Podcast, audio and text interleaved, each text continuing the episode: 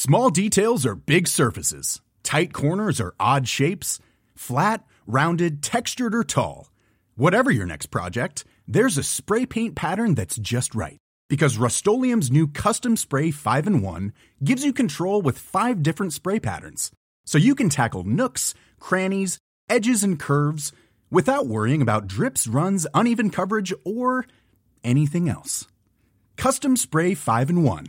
Only from Rust Hey, I'm Ryan Reynolds. Recently, I asked Mint Mobile's legal team if big wireless companies are allowed to raise prices due to inflation. They said yes. And then when I asked if raising prices technically violates those onerous two year contracts, they said, What the f are you talking about, you insane Hollywood ass? So to recap, we're cutting the price of Mint Unlimited from $30 a month to just $15 a month. Give it a try at mintmobile.com slash switch. $45 up front for three months plus taxes and fees. Promo for new customers for limited time. Unlimited more than 40 gigabytes per month. Slows. Full terms at mintmobile.com. Det här avsnittet är sponsrat av Prime Crime, appen med tusentals svenska rättegångar. Dessutom läggs minst tio nya rättegångar till varje vecka året runt. En rättegång som berörde mig det är taximordet i Enköping. En eh, 26-årig taxichaufför som luras ut till ett naturreservat och eh, blev hängd i ett träd. Och det är fem ungdomar som döms. En 16-årig flicka och fyra unga bröder. En rättegång jag tyckte var väldigt fascinerande var föräldrar tvingade sin dotter att dricka ättika. Så otroligt galet. Prime Crime erbjuder även en tre dagars gratis provperiod. Och skulle du välja att bli prenumerant så erbjuder de antingen månadsbetalning för 99 kronor i månaden eller ett reducerat pris på två månader vid årsbetalning. Du kan avsluta när du vill. Tack Prime Crime. Tack så mycket Prime Crime. Innan vi börjar dagens avsnitt så har jag och Dan en önskan. Ja, vi har tänkt att göra en liten special så vi letar efter tips i färska olösta fall. Så om du har ett tips i ett färskt olöst fall från 2015 och framåt och det får inte vara ett gängrelaterat fall så kontakta oss på simwaypodcast.gmail.com simway med z. Och det är inte att vi vill ha tips om olika fall, utan vet du någonting i ett specifikt fall? Har du någon misstanke? Något som inte står rätt till? Eller har sett, hört rykten? Hör av dig till oss i så fall.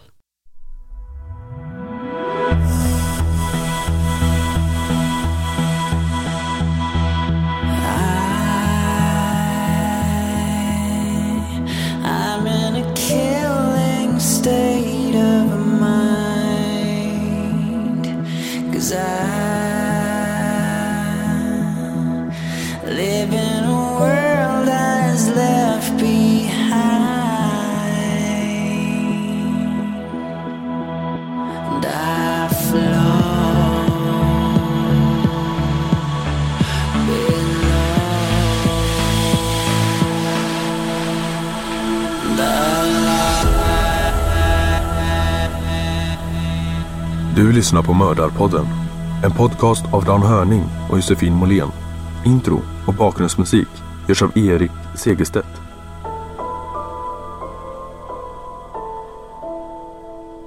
Välkommen till Mördarpodden och del tre av Lucky Lord Lucan.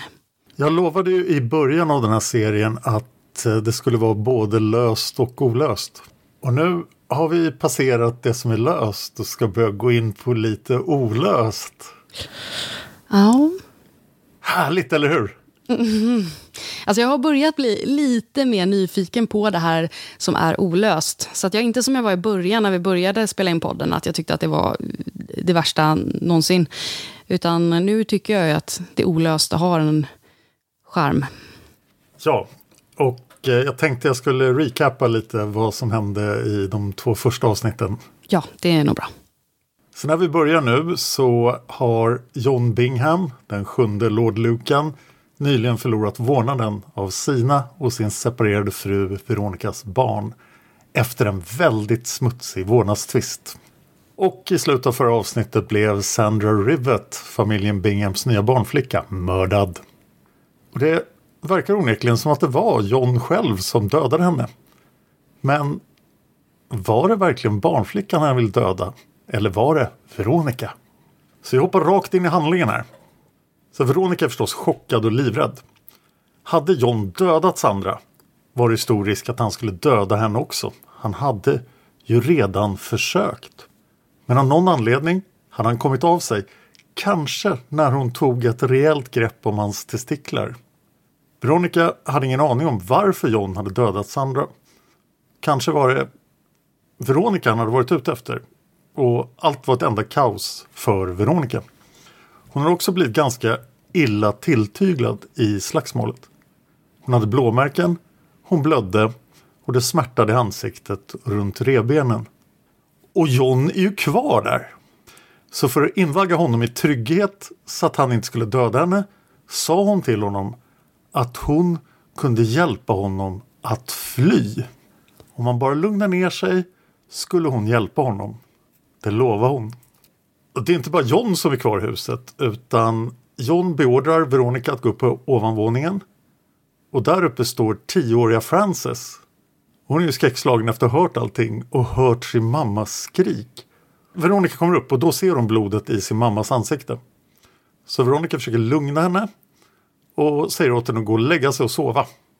Men det kan förstås Frances inte göra. Hon går in på sitt rum och försöker hålla sig där. Hon ligger på helspänn och lyssnar efter minsta ljud. Hon förstår inte vad som har hänt men hon förstår att det har hänt någonting fruktansvärt. Men det verkar lugnt nu. Och hon hör ingenting utifrån längre. John har under tiden gått in i det som en gång var hans och Veronicas gemensamma sovrum och lagt sig på sängen. Veronica lägger sig bredvid. Men då blir John lite upprörd. Och han säger att hon måste lägga handduk eller någonting annat över överkastet för annars skulle hon ju blöda ner det. Så Veronica gör det. Hon håller med om ja det är klart det vore dumt att blöda ner sängen. Så, förlåt, vad tänker jag på? Så hon blöder ju fortfarande. Alltså det uppstår någon form av väldigt konstig stämning här mellan dem. Alltså det, det är dels det här... Alltså hon är osäker på om han ska gå till attack mot henne igen. Ja. Han är ju en, för henne, gärningsman. Men samtidigt så är det som att han inte bara är det, utan de hamnar i någon form av, som det var förr, typ. ja, det är så att båda är i chock. Ja, Så de ligger där bredvid varandra lite men plötsligt reser sig John upp och frågar om hon har några lugnande tabletter för han känner att han är väldigt upprörd. Och hon kan se att han skakar. Så han säger att han behöver någonting som kan göra honom lugn och någonting som kan hjälpa honom att fokusera. Och här berättar inte källorna om hon faktiskt gav honom några lugnande tabletter men vi vet att hon hade tabletter hemma. Sen försvinner John in i badrummet och börjar spola vatten. Veronica tänker att han kanske försöker blöta en handduk så att han kan torka bort blodet från hennes ansikte. John själv är inte synbart skadad, märker hon. Han har bara ett par rispor i ansiktet och såret från att hon bet honom i handen. Men nu när han står där inne i badrummet och spolar vatten så inser hon att han hör ju inte vad som händer i sovrummet. Han har dessutom stängt dörren till badrummet. Så nu har hon chans att fly. Kanske den enda chansen. Så hon reser sig försiktigt upp, smyger ut i rummet och sen börjar hon springa. Genom korridoren, nerför trappan, ut ur huset och så snabbt hon kan till den närmaste puben. men vänta, att hon lämnar barnet? Ja. Jag antar att hon tänker att John har ju ansträngt sig så jättemycket för att få vårdnaden om barnen. Så att han är förmodligen fara för dem. Nej, så, så kan det ju vara. John kommer sent om sidor ut från badrummet och då ser han att Veronica är borta. Och Frances hör på sitt rum att pappa ropar efter mamma. Och att han börjar springa runt i huset och leta. Och Frances hör honom skrika Veronica, Veronica, var är du? Och sen lämnar han huset. Först går han till grannarna och försöker hitta någon han känner som kan släppa in honom. När han kommer till Chester Square bankar han på dörren till Madeline Florman. Madeline är mamma till en av Frances klasskompisar. Madelines man är inte hemma. Och hon blir rädd och öppnar inte dörren. Det verkar inte som att hon förstår att det är John vid det här tillfället. Men den här knackningen på Floormans dörr sker någonstans mellan 22 och 22.30. Några minuter senare ringer telefonen hemma hos familjen Florman. Madeleine svarar, men hon hör bara en mansröst som svamlar osammanhängande. Hon kan inte förstå orden. Hon känner inte igen rösten och sen lägger hon på. Här verkar John ge upp att hitta någon han känner. Och då ringer han sin mamma. Det är lite oklart varifrån han ringer. Men möjligtvis ringer han från sin lägenhet, för han har en lägenhet som ligger rätt nära huset. Och det måste varit kanske samma plats då som han ringde Madeleine Florman ifrån. Johns mamma svarar och han berättar för henne att det har inträffat en fruktansvärd katastrof. Han berättar att han hade kört förbi sitt gamla hus på kvällen och genom fönstret in i det upplysta huset kunde han se Veronica kämpa mot en okänd man. Han hade då genast tagit sig in i huset för att rädda Veronica. Men då hade våldsmannen redan flytt. Sen sa John till sin mamma att nu behövde hon komma och ta hand om de tre barnen. Veronica var försvunnen och han visste inte var hon befann sig. Så barnen var helt ensamma hemma. Johns mamma, Caitlin, hon tycker det här låter väldigt hemskt. Så när hon lagt på så ringer hon polisen. Och polisen beger sig med tjutande sirener till Veronicas hus. Veronica och barnen bor ganska centralt så det går fort för polisen att komma dit. Dörren är låst. Så John måste ha låst dörren när han gick därifrån. Men polisen sparkar resolut in dörren. Två poliser samarbetar och sparkar sönder dörren. När de kommer in i huset upptäcker polismännen att eh, ljuset inte fungerar. Det är mörkt i huset men de får fortfarande lite ljus från gatlyktorna och kan se lite grann. Ganska snart hittar de Sandras sönderslagna kropp i canvasväskan. Vid det laget har Veronica tagit sig från puben med ambulans till sjukhuset. Barnen är mycket riktigt kvar i huset. Så poliserna måste anstränga sig för att lugna ner dem i väntan på deras farmor ska dyka upp. Polisen spärrar förstås av huset och brottsplatsen så gott det går och ringer en rättsläkare. Farmor Caitlin kommer dit och tar med sig barnen till Johns syster Sarah som bor en bit ut på landet. Polisen söker igenom huset noggrant men de hittar inte John. Och vi vet att John är redan på väg därifrån i en skruttig Ford som han har lånat av en vän vid något tillfälle. Antingen nu eller att han lånat den tidigare. Hans egen Mercedes står kvar utanför hans lägenhet med urladdat batteri. Nästa dag, tidigt på fredagen den 8 november, kommer den ansvarige utredaren Roy Ranson till Veronicas hus. Då har redan en hel del hänt. Rättsläkaren har börjat undersöka Sandras döda kropp på plats och rättstekniker befinner sig i huset för att leta efter och dokumentera ledtrådar. De första poliserna som var på platsen berättar att de aldrig såg några tecken på inbrott. Dörren var inte uppruten fast nu är den insparkad. Och det såg inte ut som att ett inbrott hade ägt rum. På Veronicas säng har de hittat blodiga handdukar. Och avsatsen ovanför trappan till nedervåningen är ordentligt nedblodad. På golvet en bit bort låg järnröret. Bandaget som var lindat runt det var djupt rött av blod. Flera tavlor som satt på väggen i trappan hängde snett och trappräcket i metall var trasigt. Nedanför trappan låg två koppar och en tekanna i en stor blodpöl. För Sandra hade väl varit igång med att göra te och servera det när hon blev ihjälslagen. I den lilla hallen utanför köket var glödlampan urskruvad ur lampan i taket och själva glödlampan låg på en stol en bit bort. I den lilla trädgården bakom huset hittades blod på markens nerfallna höstlöv. Roy Ransom ser sig om i huset och lägenheten också för att försöka bilda sig en uppfattning om det som har hänt. Och sen åker han till Veronica på sjukhuset. Veronica har fått en eh, polis som vaktar utan hennes rum ifall John skulle komma tillbaka.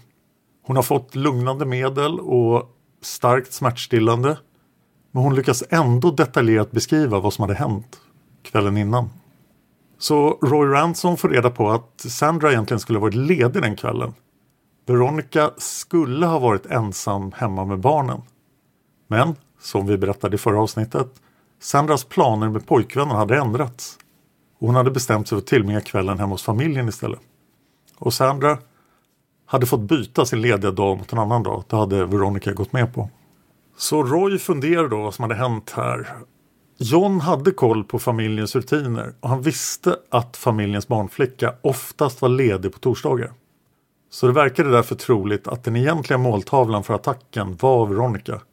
Och John hade helt enkelt trott att Sandra var Veronica. Det var ju ganska mörkt. Glödlampan i hallen var som sagt urskruvad och det tolkade Roy som att John inte ville synas där han stod och gömde sig i mörkret. Men det hade också då fått effekten att han inte såg vem det var han slog ihjäl. Så nu är John förstås efterlyst och polisen väldigt gärna pratar med honom. Och den här utredningen går fort och polisen gör rätt saker för en gångs skull. Det är alltid trevligt i en sån här historia. Det är pluspoäng. Ja, så de har bilder på John. Det finns ju ganska mycket bilder på honom. Och de här bilderna skickas ut till alla poliskontor i hela landet. Och även till media. Dock fick tidningar och tv inte veta varför John var efterlyst. Eller snarare eftersökt. För de fick bara veta att John var intressant som vittne. Och inte som gärningsperson. För, för att inte skrämma iväg honom då, eller? Förmodligen. Så strax efter att nyheten har gått ut och media börjat uppmärksamma det här så får Roy Ranson ett telefonsamtal. Det är från Johns vän Ian Maxwell Scott. Och han berättar att John dök upp hemma hos dem mitt i natten i Ackfield. Det här var alltså bara några timmar efter mordet. Ians fru Susan hade släppt in John och John hade verkat väldigt stressad, förvirrad och chockad. Han hade bett om brevpapper och satt sig ner och skrivit två brev till sin svåger Bill Shand Kydd. Bill var alltså gift med Veronicas syster. John hade tagit med sig breven för att posta dem när han lämnade familjen Maxwell Scotts hus.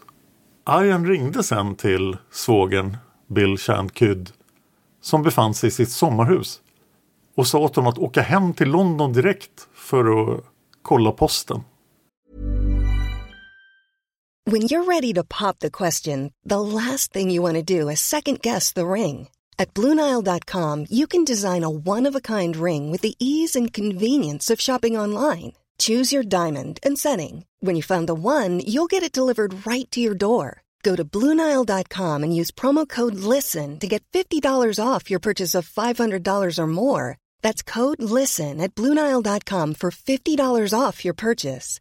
Bluenile.com code LISTEN. Quality sleep is essential. That's why the Sleep Number Smart Bed is designed for your ever evolving sleep needs. Need a bed that's firmer or softer on either side? Helps you sleep at a comfortable temperature? Sleep Number Smart Beds let you individualize your comfort so you sleep better together. JD Power ranks Sleep Number number 1 in customer satisfaction with mattresses purchased in-store. And now, save 50% on the Sleep Number limited edition Smart Bed for a limited time. For JD Power 2023 award information, visit jdpower.com/awards. Only at a Sleep Number store or sleepnumber.com. If you're looking for plump lips that last, you need to know about Juvederm lip fillers. With Juvederm Volbella XC and Juvederm Ultra XC, your lip look, whether it's subtle or bold, can last up to one full year with optimal treatment and no additional maintenance. Find a licensed specialist and see if it's right for you at juvederm.com today. That's J U V E D E R M.com. Add fullness to lips in adults over 21 with Juvederm Volbella XC or Juvederm Ultra XC. Do not use if you have severe allergies or a history of severe allergic reactions, or if you're allergic to lidocaine or the proteins used in Juvederm. Tell your doctor if you have a history of scarring or taking medicines that decrease the body's immune response or that can prolong bleeding. Common side effects include injection site redness, swelling, pain, tenderness, firmness, lumps, bumps, bruising, discoloration, or itching. As with all fillers, there's a rare risk of unintentional injection into a blood vessel, which can cause vision abnormalities, blindness, stroke, temporary scabs, or scarring. For full important safety information, visit juvederm.com.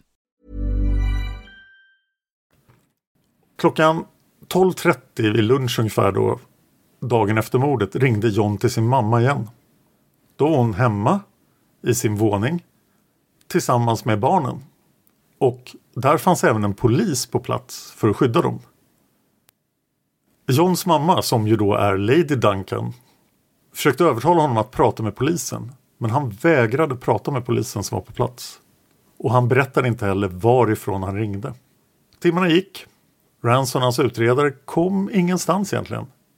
Nästa dag, två dagar efter mordet, hittas den skruttiga Forden i en fiskeby.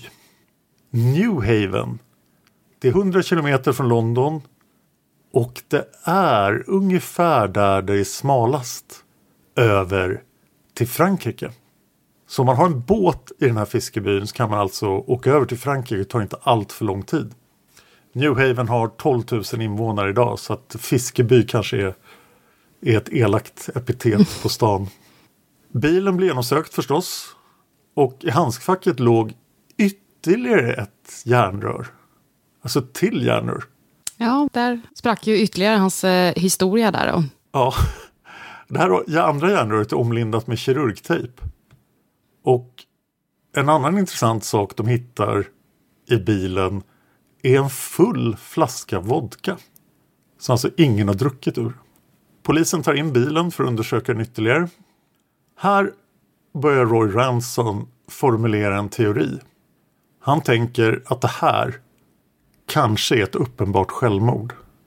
John kan inte hantera det han har gjort och därför har han tagit livet av sig.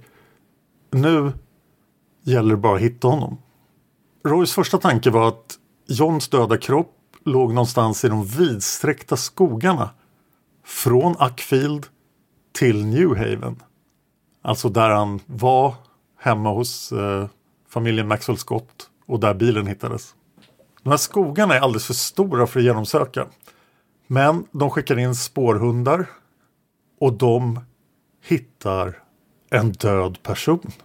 Ganska snabbt kan man konstatera att det här inte är John. Utan det här är en domare som försvann flera år tidigare. Oj! Ja, tyvärr vet jag inga mer detaljer om den här försvunna domaren. Äh. Då tänker Ransom och poliserna förstås att okej, okay, om det är ett självmord då kanske John bara hoppat i havet. För bilen hittades ju i en fiskeby vid havet. Så då skickas det ner dykare i hamnen och vid kusten och i närliggande vattendrag. Men de hittar inte heller någonting. Jag kan inte släppa den här domaren. Hur långt ifrån hittades kroppen från bilen? Det vet vi inte. Ah, okay. Men, men, kanske inte så här supernära då? För det känns ju som en jättemärklig slump.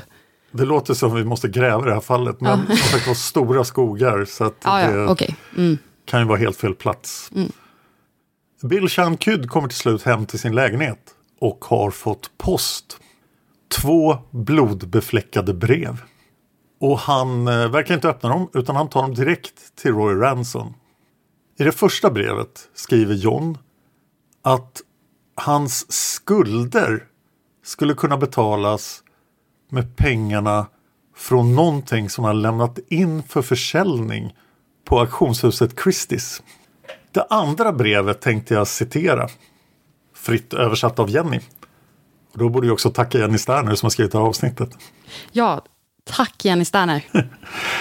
Så citat det andra brevet. Käre Bill. De mest förskräckliga saker har hänt i natt. Jag har beskrivit dem kortfattat för min mor. När jag lyckades avbryta den okände mannens attack på Veronica och han försvann. Då anklagade hon mig för att ha anlitat mannen. Jag tog med Veronica upp på övervåningen. Jag sa till Frances att gå och lägga sig och jag försökte rengöra Veronica från allt blod. Veronica vilade en stund men när jag var i badrummet lämnade hon huset. Indicierna mot mig är starka. Veronica kommer säga att jag är den skyldige till allt. Därför kommer jag att ligga lågt ett tag. Jag är orolig för barnen och jag skulle vilja att de bor hos er. Kontakta min förvaltare. Han kommer att se till att barnens avgifter i skolan betalas. Veronica har visat sitt hat mot mig länge och hon kommer göra allt hon kan för att jag ska bli anklagad för det som har hänt. Att barnen ska behöva genomlida att deras far åtalas för mordförsök skulle bli för mycket för dem. När de är gamla nog att förstå så förklara för dem att det inte var jag och ta väl hand om dem. Slutcitat underskrivet John. Så han vidhåller alltså den här berättelsen som han har sagt till sin mamma och eh, bygger på den nu då i brevet. Ja. Och de här, jag fattar inte varför det skulle vara två olika brev till samma person heller. Nej. Så polisens utredning fortsätter och även jakten på John. De hittar ingenting och fyra dagar efter mordet, tisdagen den 12 november, så går de ut med att John är misstänkt. Det utfärdas en häktningsorder, en nationell efterlysning och en efterlysning via Interpol. För nu verkar det troligt att John kanske har lämnat landet. Veronica får stanna på sjukhus i flera veckor. Hennes skador läker inte särskilt bra. Och hennes mentala hälsa är bräcklig. När hon till slut kom hem från sjukhuset fick även barnen komma hem från farmor. Men utanför huset fanns media och en massa nyfikna reportrar. Så Veronica kunde inte gå ut eller ens öppna ett fönster utan att bli översköljd av frågor och rop. Så nyheten om den försvunne Lucky Lord Lucan var på första sidorna. Både på de seriösa morgontidningarna och på alla de där klassiska brittiska skvallerblaskorna. Allmänheten tolkar det här som en film. Som en glamorös deckare. Nästan som en James Bond-film. Och nu var alla nyfikna på hur det här skulle sluta. Flera journalister var också övertygade om att Veronica visste mycket mer än vad hon hade sagt. Så det blev omöjligt att stanna kvar i London för Veronica och barnen. Så de fick packa ihop det mest nödvändiga och sen flytta till några vänner på landet. Där de då fick hålla sig gömda för media i princip. Kriminalteknikerna fortsatte undersöka saker och eh, kunde konstatera att på järnröret fanns det blod från två personer. Och det var förstås Sandra och Veronica. Hårstrån från Veronica fanns på röret men inga hårstrån från Sandra. Och det andra järnröret i bilen det hade inget hår och inget blod. Det går ett halvår och det blir den 16 juni 75. John är fortfarande inte hittad. Men i England kan man då hålla en inquest för att se vad som har hänt. Så det blir en inquest riktad mot då den fortfarande frånvarande John Bingham. Och eh, Lady Lucan, Johns mamma, hon har nu köpt Johns berättelse som han ringde och berättade för henne. Och därför har hon skaffat fram en jättebra försvarsadvokat. Så det finns en advokat som försvarar John här. Åklagaren har kallat 33 vittnen till inquesten, inklusive Veronica. Veronica är i rätten varje dag, iklädd en mörk kappa och en vit scarf runt huvudet. Frances, som nu ska fylla 11, hon slipper vittna i rättssalen utan hon blir förhörd av en kvinnlig polis och sen blir förhöret uppläst i rättssalen. För Frances är ju förstås ganska traumatiserad det som har hänt. Så när förhöret blir uppläst får man höra att Frances berättar om tumultet, hon berättar om hennes mammas skrik och hur hon såg sin mammas blodiga blåslagna ansikte. Frances säger också att hennes pappa stod där och att det var uppenbart att det var han som hade gjort mamma illa. Det här var inte så bra för John Bingham och övriga vittnesmål leder till, trots den duktiga försvarsadvokaten, att han bedöms vara skyldig. Så han döms i sin frånvaro. Och han är skyldig till mordet på Sandra Rivet och grov misshandel av sin fru Veronica Bingham. Så nu så fort John grips så kommer han alltså åka direkt till fängelse. Sex månader senare får Sandras familj till slut ta farväl av henne. Ett år efter mordet. Jag antar att det var polisen som höll på hennes kropp. Mm. Så hon begravs den 18 december. Veronica är inte med på begravningen. Och det är ju förstås en jättebesvikelse för alla reportrar som är där. Men senare besvarar hon faktiskt frågan varför hon inte var på begravningen. Och då säger hon att hon eh, bedömde att Sandras familj inte skulle vilja se henne där. Att Veronica själv skulle påminna allt för mycket om det fruktansvärda sättet som Sandra dog på. Där har hon ju förmodligen rätt, tänker jag.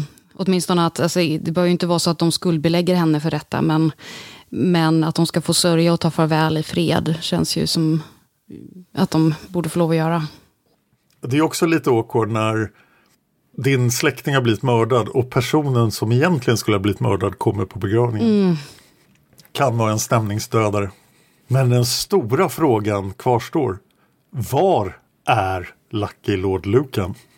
Ja, och var har han hållit sig gömd? Nu är det ändå ett år då. Och det ska vi prata mer om i nästa avsnitt. Ja, det här är spännande. Ja, nu är det olöst. Mm, nu är det verkligen olöst. Det kanske löser sig i sista avsnitt. Ja, vem vet? Vem vet? Ja, Jag vet. Ja, just det, du vet. Tack så mycket Jenny Sterner för ytterligare ett eh, riktigt spännande avsnitt om Lucky Lord Lucan. Om allting går som jag vill så kommer kanske Jenny Sterner vara med i podden om ett tag och eh, Jajamän. berätta ett av sina manus för oss. Ja, Hon har ju podden Krimkalendern så hon är van vid att podda om brott. precis. Tillsammans med Sofia. Det stämmer. Planning for your next trip?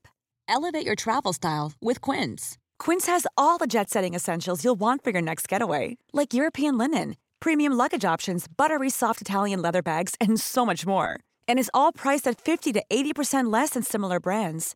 Plus, Quince only works with factories that use safe and ethical manufacturing practices. Pack your bags with high-quality essentials you'll be wearing for vacations to come with Quince. Go to quince.com slash pack for free shipping and 365-day returns. Ja, Patreon vore kul om ni var med på. Ja, verkligen. För vi har ju eh, just nu eh, 17 fantastiska patrons som stöttar oss med en peng per avsnitt. Och vill du vara med och stötta oss, för jag vet att det är väldigt, väldigt många som lyssnar på podden och vi behöver er hjälp. Så eh, gå in på patreon.com och sök på Mördarpodden. Ser det som ett bidrag för att hindra Josefin från att ta mer konstiga jobb istället för att jobba med podden. konstiga jobb. Jag älskar mitt jobb. Men det behövs ju för att kunna lägga lite mer tid på att göra avsnitt. Vågar du berätta för lyssnarna vad du jobbar med? Jag är receptionist. Oj, ja, vi kanske inte ska berätta var så inte kommer in lyssnare och vill prata mord med dig. Ja, nej, precis. Det är nog bra. Men håll ögonen öppna när ni besöker reception. Det kan vara Josefin som står där. Det kan vara jag. Nej, men stötta oss jättegärna på Patreon och eh, följ oss på Instagram. Modapodden. Och där lägger vi upp ganska ofta nu, får jag ändå säga, att det blivit trailers till avsnitt. För att jag tycker så här att ska jag investera eh, en timme av mitt liv på någonting som jag ska lyssna på, då vill jag ju liksom veta att det här, det här lockar mig. Eh, så att då brukar jag göra så här lite trailers för att bygga upp stämningen lite. Det här är vad vi kommer bjuda på i det här avsnittet. Så gå in och kika där. Det är jättebra. Ja, vad kul. Vi kan även nämna att vi har varit och tagit lite bilder och ska skaffa en ny logga och sånt. Jajamän, den är på gång. Ja, superseriös fotografering var det. Ja, det var riktigt eh, häftigt. Med en riktigt duktig eh, ljusfotograf, kan man säga. eller ljusograf. Liksom. Han hade stenkoll på ljuset. Ja, du kan ju sånt där, men eh, så du var väldigt imponerad av honom. Ja, Jag inte, förstod inte ingenting. på den nivån. Nej, men det märktes att du kunde tillräckligt för att förstå att han var bra. Ja, jo, men det kunde jag. Precis. Ja, nej, men det, var, det blev riktigt bra tycker jag. Jag vill också eh, göra lite reklam för en annan grej. Mm. Det är ju så att jag gör en annan podd som heter Seriemördarpodden. Eh, vilken är det nu? Ja, det, är, det är en liten podd om seriemördare som är, ligger på Podme. Ja, Och eh, där har vi nu gjort över 400 avsnitt. Men vi har en liten tradition sen 2017 i den att göra en sommarspecial. Och i år kommer sommarspecialen att vara 10 avsnitt om Candyman. Dean Corll. En gång känd som USAs värsta seriemördare fast han inte ens var det då. Och vi ska även gå på djupet i teorin att det finns en koppling mellan Dean Corll och John Wayne Gacy och en man som heter John Norman och ett fruktansvärt pedofilnätverk som förgrep sig på hundratals, kanske tusentals pojkar på 60 och 70-talet. Och det här var så pass stort att det kom upp i USAs kongress Och något geni kom på att man kanske skulle ändra lagen angående övergrepp mot barn. Så att, äv, så att det även blev möjligt att begå, alltså att övergrepp på pojkar också blev olagligt. För lagen var formulerad så att det bara gick att begå överbrott på flickor. Så allt det i Seriemördarpoddens sommarspecial som börjar i juni. Woho! Spännande! Det får ni inte missa. Tack för idag! Tack för idag. Vi ses i nästa avsnitt. Yeah!